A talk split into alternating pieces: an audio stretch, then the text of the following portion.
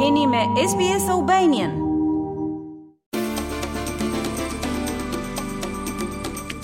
Qeveria federale thotë se Australia do ta shmangë recesionin nëse zbatohet plani i saj ekonomik.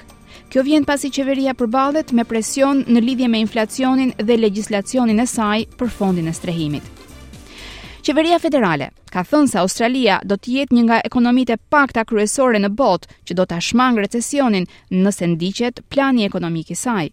Qeveria po punon me kujdes, duke shmangur kritikat e drejtpërdrejta publike ndaj guvernatorit të Bankës së Rezervës, Philip Lowe, i cili u paraqit në një seancë dëgjimore të Senatit të vlerësimeve më 15 shkurt, pasi ka lejuar nëntë rritje të njëpasnjëshme të normave të interesit për të luftuar inflacionin. Emërimi i zotit Lowe pritet të përfundojë në shtator. Një vendim nëse mandati i tij do të zgjatet përtej kësaj pike ende nuk është marrë, me një rishikim të Bankës së Rezervës që pritet së shpejti. Ndihmësi i Thesarit, Stephen Jones, thotë se guvernatori Lowe ka një punë të vështirë, por qeveria qëndron përkrah atyre që janë prekur nga rritja e fundit e normave të interesit. Our strategy is about complementing uh, monetary policy, not aggravating it.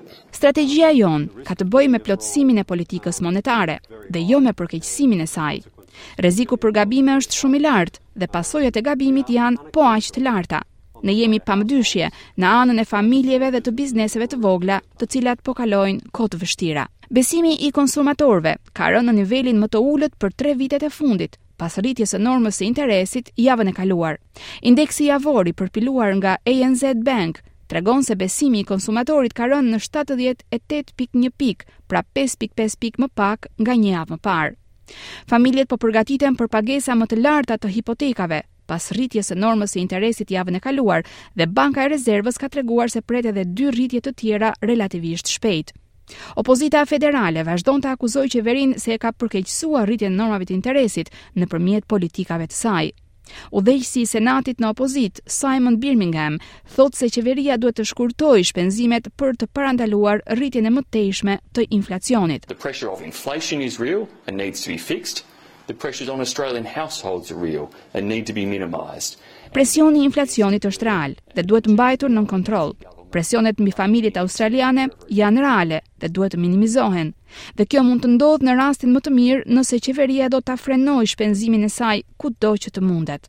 Por kryeministri Anthony Albanese thotë se qeveria e tij ka trashëguar probleme nga ish-qeveria Morrison. We actually have a plan to take pressure off inflation to therefore that's the way you take pressure off interest rates. Ne në fakt kemi një plan për të ulur presionin nga inflacioni dhe nëpërmjet kësaj të ulim edhe presionin nga normat e interesit. Dhe kemi gjithashtu plan që politika monetare të funksionojë së bashku me politikën fiskale në mënyrë që të arrihet një rezultat i mirë. Albanezi thotë se opozita po pengon çdo zgjidhje lehtësimi të propozuar nga qeveria e tij. Qeveria federale është gjithashtu tani nën presion për të bërë ndryshime në legjislacionin për fondin e strehimit, në mënyrë që ai të kalojë në parlament.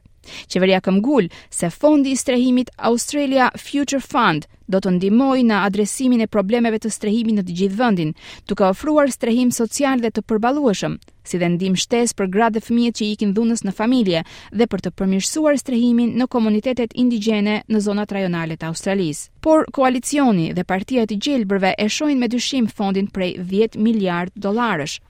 Të gjelbërit thonë se legjislacioni është i dobët, 30.000 shtëpitë e propozuara për t'u ndërtuar gjatë 5 viteve të ardhshme nuk janë të mjaftueshme.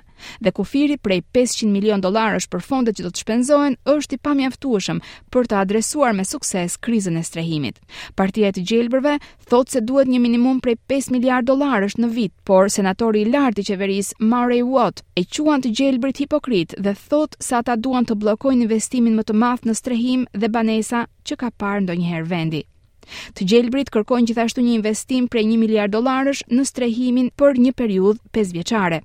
Ministri Watts është i bindur se plani do të jetë i dobishëm për tregun e banesave. Ndihem vërtet keq për njerëzit që po luftojnë të hyjnë në tregun e banesave ose thjesht të marrin një banesë me qira. Kjo qeveri është në anën e tyre për herë të parë në 10 vjet dhe po bën investime serioze, dhe të gjelbërit duhet ta mbështesin krijimin e fondit të strehimit. Opozita e ka bërë të qartë se nuk do ta mbështesë propozimin aktual. Zëvendësudhëheqësja liberale Sussan Ley beson se fondi nuk duhet të krijohet. I don't see the government demonstrating how it will immediately solve the housing crisis. I just see another bucket of money off to one side spending priorities all wrong when it comes to where Australians want to see leadership from Anthony Albanese. Nuk shoh që qeveria ta demonstrojë se si do ta zgjidhë menjëherë krizën e strehimit. Thjesht shoh një kovë tjetër parash që kërkojnë ta shpenzojnë, duke patur prioritete të gabuara për australianët. Unë nuk e mohoj që ka presione për strehimin me të cilat përballen australianët, por si ta zgjidhim këtë? Ndoshta, jo duke krijuar shpenzime të tjera jashtë buxhetit, që do ta rrisnin më shumë inflacionin dhe normat e interesit, duke mos e zgjidhur menjëherë problemin. Ministrja për strehimin, Julie Collins, thotë se diskutimet dhe negociatat konstruktive po vazhdojnë me përfaqësues nga i gjithë parlamenti.